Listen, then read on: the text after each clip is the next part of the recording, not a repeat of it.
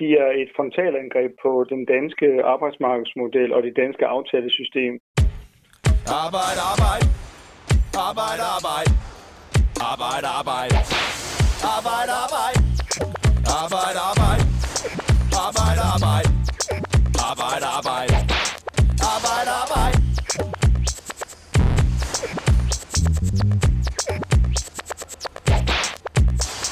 EU er i gang med at indføre en mindsteløn, men det kan være en trussel imod den danske model. Lige nu er to forslag på bordet, og det ene er værre end det andet, hvis man ser det med danske øjne. Men hvad kan det komme til at betyde, hvis vi får en fælles ordning om mindsteløn i EU? Det spørgsmål prøver vi at besvare i dag. Jeg hedder Morten Olsen, jeg er din vært. Vi optager fredag den 12. november om formiddagen. Og jeg har Peter Keiding med, der er det tætteste. Vi kommer på en stamgæst her i programmet. Velkommen til dig, Peter Keiding. Mange tak. Du er journalist på Fagbladet 3F og har skrevet op til flere artikler om det her emne i løbet af de seneste dage, og også tidligere. Og øh, med på en netforbindelse, der har vi dig, Jens Arnholz, der er arbejdsmarkedsforsker på FARES på Københavns Universitet. Velkommen til dig også. Tak skal du have.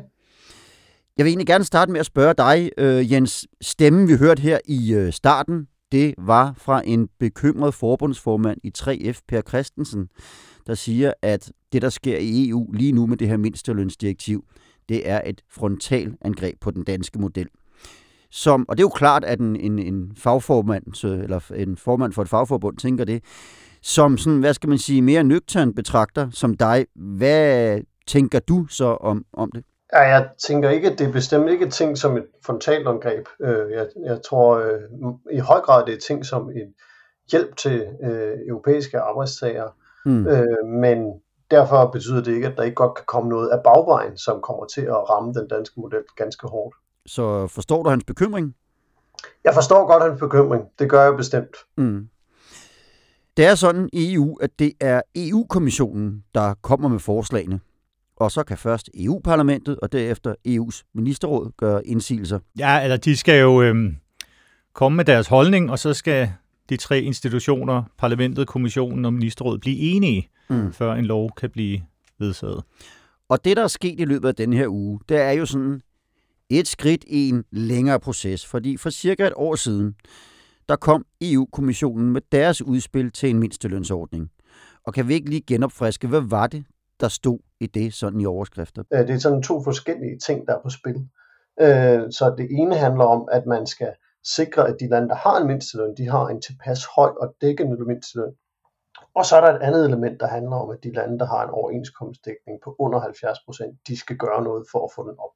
Men Jens Arnholz, hvad vil det så, hvis man kigger på kommissionens oprindelige udspil, i praksis betyde for lønnen i Danmark?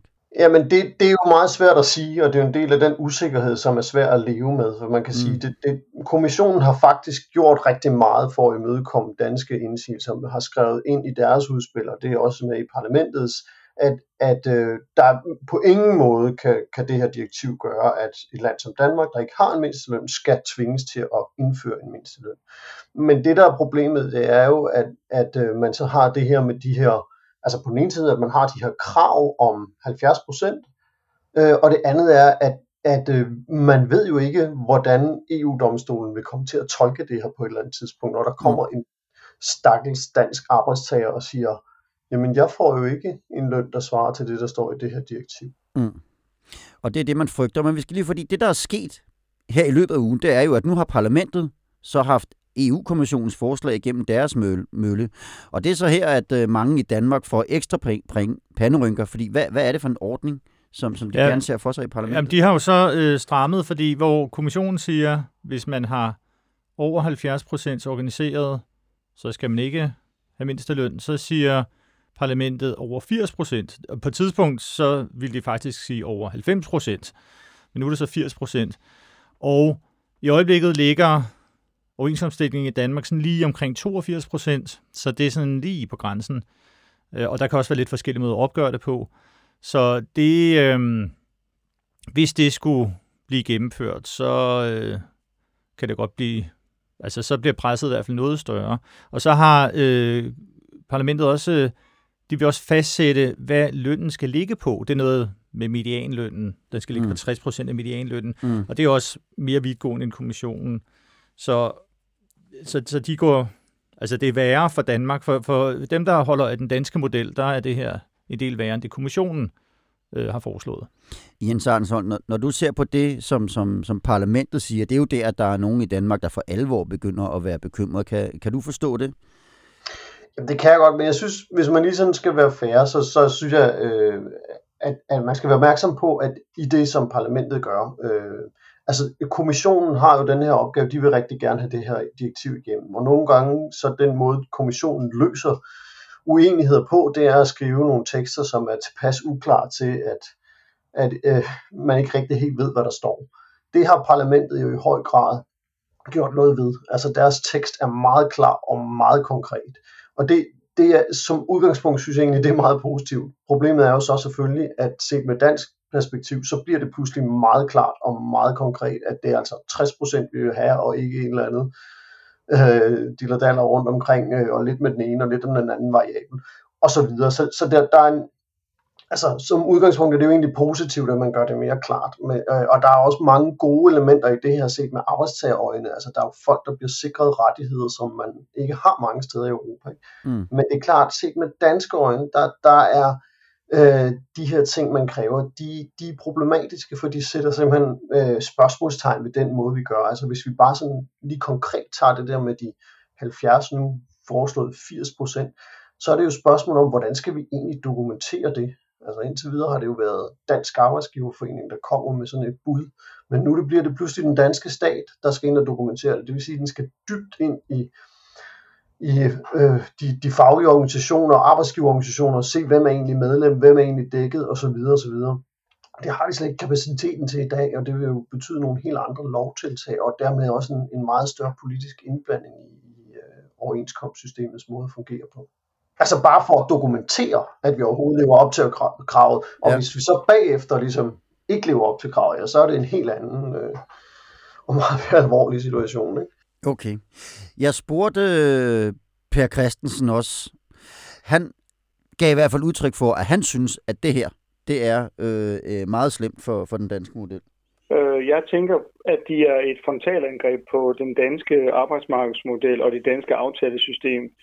Det vil jo, hvis jeg skal sådan sætte det helt på spidsen, betyde, at det ikke længere er medlemmerne af dansk fagbevægelse og herunder 3F, som udtager for eksempel kravene til overenskomsterne, når det gælder løn. Det bliver byråkrater i EU-systemet. Det giver ingen mening. Og jeg vil bare lige sige i forlængelse af det, jeg har stor forståelse for, at der er andre lande i Europa, som, øh, som har udfordringer med lønniveauerne.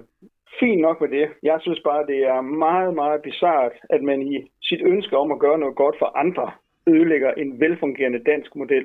Den her grænse på 80 procent, giver, giver, den over, giver den overhovedet mening at lave, tænker du, Jens Arnhold? Oh, men jeg, jeg ved ikke, altså nu sad jeg kiggede lidt på nogle opgørelser her til morgen, og der er vel en, en øh, 7-8 lande, Danmark inklusiv, der, der officielt har en overenskomstdækning, der ligger over 80 procent. Øh, men sådan et land som Danmark, vi ligger jo lige på grænsen. Øh, og det der selvfølgelig er spørgsmålet, det er, øh, hvor, altså, når du, nu det går fra bare at være noget statistik, man opgør for sådan at være informativ, til pludselig at være noget, der skal dokumenteres i forhold til en gældende øh, lovregel, så kan det godt være, at man begynder at gå lidt dybere i det, og at det så viser sig, at der faktisk for eksempel i Danmark er en, en lavere overenskomstdækning. Så, så det er et meget højt niveau, man sætter, øh, tror jeg godt, man kan sige. Og de lande, der har det med stor sikkerhed, det er jo lande, der har det via øh, at, at, altså igennem, at de har en eller anden form for almengøring. Men det vil sige, det er det, hvis jeg sådan skulle vurdere det, er den store trussel her, ikke? det er, at på et tidspunkt, så kan Danmark blive stillet over for, ikke et krav om at indføre en almengøring, bare et krav om at komme op på en overenskomstprocent, som, øh, overenskomstdækningsprocent, som vi kun kan opnå igennem øh, en almengøring. Mm. Og kan du ikke lige forklare, hvad du mener med, med almengøring? Ja, det er jo, at, man, at, at øh, for eksempel Folketinget går ind og siger, at nu ophøjer vi den her øh, overenskomst på et eller andet givet område til lov, så det også dækker virksomheder, som ikke har tiltrådt øh, overenskomsten. Og det, det er jo noget, man kender fra rigtig mange øh, EU-lande. De bruger det typisk i, i specielle sektorer, hvor, hvor man har svært ved at have en høj overenskomstdækning. Øh, men det er jo noget, vi helst ikke vil have herhjemme, fordi vi synes, vores system fungerer godt uden. Øh, og, og der kan man bare sige, at det er sådan en klassisk EU-finde, at man skriver på den ene side i direktivet, på ingen måde kan det her direktiv bruges til at tvinge jer til at gøre det her, men på den anden side, så skriver man en anden paragraf, vi skal bare lige op på det her niveau, og det kan man i praksis højst sandsynligt kun komme øh, via en form for almindelig og så bliver Per Christensens bekymring vel også øh, reelt, fordi at så bliver der, bliver der meget mere af, af forholdet på det danske arbejdsmarked, som i virkeligheden bliver noget, der skal indføres ved lov, eller, eller af EU-byråkrater, som han udtrykte, eller hvad? Ja, altså man kan sige, det, det bliver jo ikke EU-byråkraterne. Altså nu skal vi skille tingene lidt ad, fordi man, almengøring er en ting, ikke, som handler om øh, den måde, vores system fungerer på, om det skal laves anderledes. Så er det klart, at hvis der så oven i det kommer ligesom nogle krav om, at der så i øvrigt skal sikres et eller andet bestemt niveau øh, i forhold til medianlønnen, ja, så betyder det jo noget for, øh, altså netop om, hvem er det så egentlig, der definerer, hvad det er for nogle krav, man vil stille til en overenskomstforhandling. Så det er sådan to lidt forskellige øh, øh, spørgsmål, der er, øh, er på spil, men begge to vil jo i hver deres forstand udfordre den måde, vores system fungerer godt i dag. Mm. Der er jo også det der med, at øh, altså fordi man siger mindsteløn, det lyder jo meget godt, så kan man jo bare få mere end mindstelønnen, ikke? Men, mm. men der er jo også en, en frygt for, at det så bliver ligesom der, lønnen kommer til at ligge. Og der er de danske overenskomster jo sådan et ret sofistikeret system, hvor man har forskellige lønsatser på forskellige overenskomstområder, og man har også lokale aftaler, og det kan man justere i forhold til konkurrenceevne og økonomien generelt osv. Og, og der er en, øh, en frygt for, at så bliver det bare sådan, det her, der er niveauet, og det, man vil læne sig op af. Og, og på den måde, ja, underminere den måde, man, man har fintunet det her system igennem over 100 år. Mm, ja, det er klart, at det vil også betyde, altså hvis, hvis man for eksempel får en, en almengøring, så, så vil det jo pludselig være ligegyldigt, om det er en fagforening, der har været ude og sikre den her overenskomst, og dermed er med i lokalforhandlingen, eller om det for eksempel er en gul fagforening, der har nogle medlemmer, som de pludselig, der kan de jo støtte ret på en almengjort overenskomst, og så pludselig repræsentere. Så det vil også kunne medføre ligesom et skift i retning af, øh, at de gule får en større, øh, et større say på vores arbejdsmarked. Pludselig har de nogle rettigheder, de kan bruge, øh, og så videre. Så, så der, der er potentielt rigtig mange øh, problemer i at gå den vej, øh, for den måde, vores arbejdsmarkedsmodel fungerer i dag. Det er jeg helt enig i. Mm. Kan vi ikke lige, jeg vil gerne lige have skåret ud i pap. Hvis nu vi får den her mindsteløn på, lad os, lad os sige, at vi har en branche, øh, hvor vi har en overenskomstmæssig fastsat mindsteløn på 150 kroner, og så der lige pludselig kommer en lovfastsat mindsteløn på 100 kroner. Hvorfor kan vi så ikke bare blive ved med at holde os til de aftaler, der er mellem arbejdsmarkedets parter om de her 150 kroner? Men man ser for eksempel i byggeriet, mm. der er det et stort problem med, altså der har man jo også, som man har på mange overenskomster med, man har et eller andet, øh, altså man kan have nogle grund øh, satser, eller hvad man skal sige, ikke? og så kan man individuelt aftale noget mere og så videre. Og der har man jo øh, øh, haft øh, et stort problem med østarbejdere, der kommer, så kan det godt være, at de lige akkurat overholder overenskomsten, men reelt er det jo en form for løndumping, fordi det ligger langt meget lavere, end det niveauet ellers er på. Altså, det er jo sådan noget, men der, man kan se, komme til at se mere af. Øh, så det er sådan, øh, det er det her med de satser, som overenskomsten, som der er fastsat, som man har forhandlet sig frem til overenskomsten, at de så kan blive undermineret. Mm. I går, der var, øh, hvad hedder det, Margrethe Vestager ude og prøve at gyde lidt olie på vandene. Det var også noget, du skrev en artikel om, øh, Peter Keining. Kan du ikke lige prøve at sige, det var, det var i forhold til det med EU-domstolen, om man, om man bare kan rejse en sag ved EU-domstolen, og så lige pludselig så, ja. så, så bliver Jamen, jeg, jeg, jeg, interviewede, jeg interviewede hende om det, det er så halvt år siden, mm. tror jeg. Men jeg øh, tænker, hun mener det samme nu.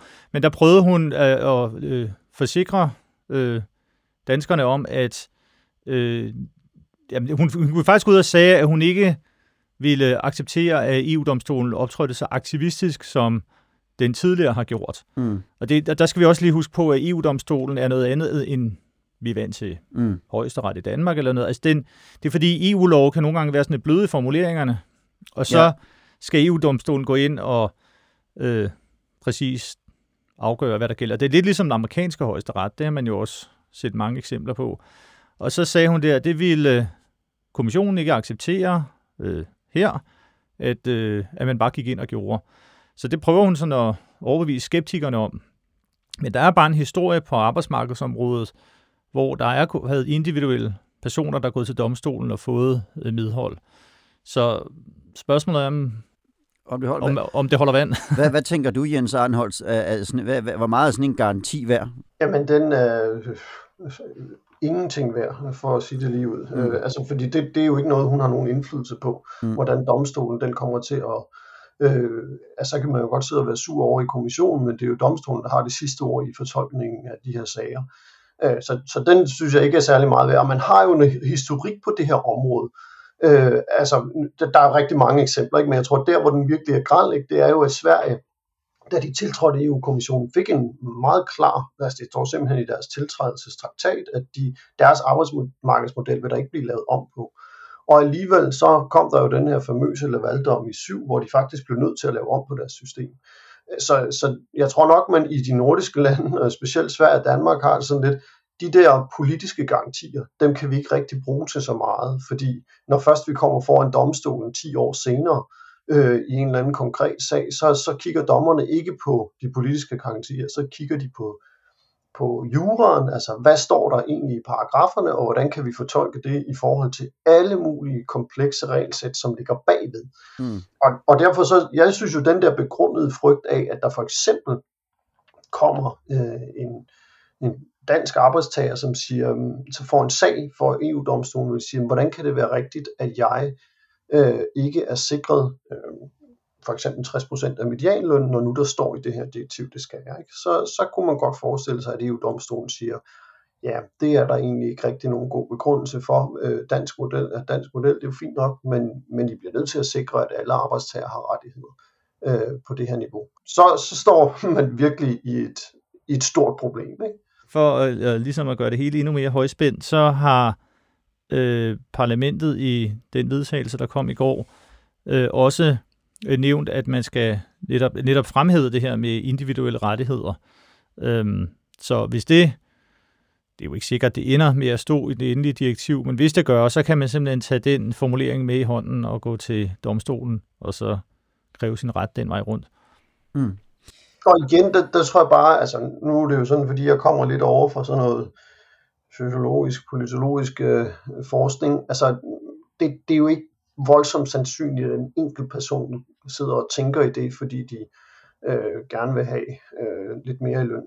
Men man kunne godt forestille sig igen, at for eksempel øh, de, de, øh, altså Krifa eller en anden øh, gul fagforening vil have en interesse i at støtte et medlem, der ikke får øh, en mindsteløn, i at, at føre sådan en sag, fordi de har en interesse i at få, få en mindsteløn, så de har noget lovgrundlag, noget et eller andet, de, nogle rettigheder, de kan håndhæve for deres medlemmer. Ikke? Så, så vi ved, at de gerne vil have det, og, og øh, der kunne de jo godt have en interesse i at føre sådan en sag for et medlem hele vejen til EU-domstolen. Der er jo en grund til, at man i EU godt kunne tænke sig den her mindsteløn. Og der er jo egentlig, jeg tror jeg, i de store dele af Danmark kan man godt forstå, at EU vil have den her mindsteløn. Og det er jo fordi, at der er rigtig mange i EU, der ikke har særlig gode arbejdsforhold og ikke har særlig høje lønninger. Vi hører historier i, om working poor i ellers velstående lande som Tyskland for eksempel. Øh, og i den forbindelse, der, jeg, jeg spurgte øh, Per Christensen lidt til det her, og han tænker jo lidt, at der også er et indrigspolitisk spil, øh, der kører i nogle af de store lande. I kan høre, hvad han sagde her. Der er præsidentvalg i Frankrig, og vi har en præsident, som er presset, og han meget gerne vil gøre noget ved det, som de også der kalder den polske håndværker. Altså sørge for, at lønningerne ikke når et uacceptabelt niveau for de franske lønmodtagere. Og i hele det der spind, der bliver vi fanget i Danmark på en, en velfungerende arbejdsmarkedsmodel, som også er hele grundlag for, at vi har et velfærdssystem herhjemme. Det er, det er sgu underligt at være, være tilskuer til, og også øh, meget, meget bizart, at vi risikerer at blive ramt på det her. Jens Arnholz, tror du, at øh, det her det også drejer sig om indrigspolitik i nogle af de store europæiske lande? Nu nævner Per Christensen Frankrig her. Ja, der er ikke nogen tvivl om, at Macron han har jo haft sådan en ambition om, at øh, at vise franskmændene, at, øh, et, øh, at EU også kan have en social dimension, øh, at, at det er noget, der kommer arbejdstagerne til gode. Så det er lige ned i hans øh, boldgade, det her, at få, få det direktiv vedtaget.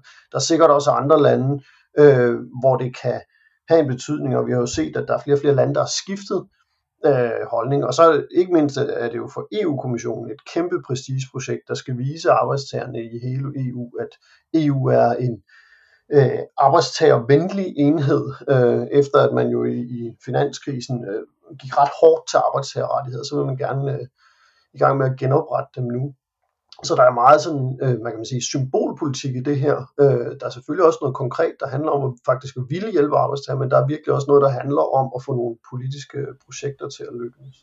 Mm. Og, og det er jo også det der med, at, at man kan blive sådan helt rundforvirret af det her, fordi de partier, altså Socialdemokrater og Venstrefløjspartier, som i Danmark er vi vant til, de er meget begejstrede for fagbevægelsen og den danske model. På europæisk niveau, der er de jo meget begejstrede for mindsteløn, mm. mange af dem. Øhm, så, og det er jo direkte modstrid med, hvad de danske, altså de danske medlemmer af Europaparlamentet og Europaparlamentets beskæftigelsesudvalg, dem er der tre af, de stemmer jo alle sammen nej i går, og de kommer fra Socialdemokrater eller, eller Venstrefløjspartier. Øhm, så der er jo en stor kløft den vej rundt, og det er jo fordi, der er så forskellige systemer i de forskellige lande, så de, de har jo nok samme mål at bekæmpe working poor, større lighed, men de har nogle, bare nogle helt forskellige metoder eller tilgang til det.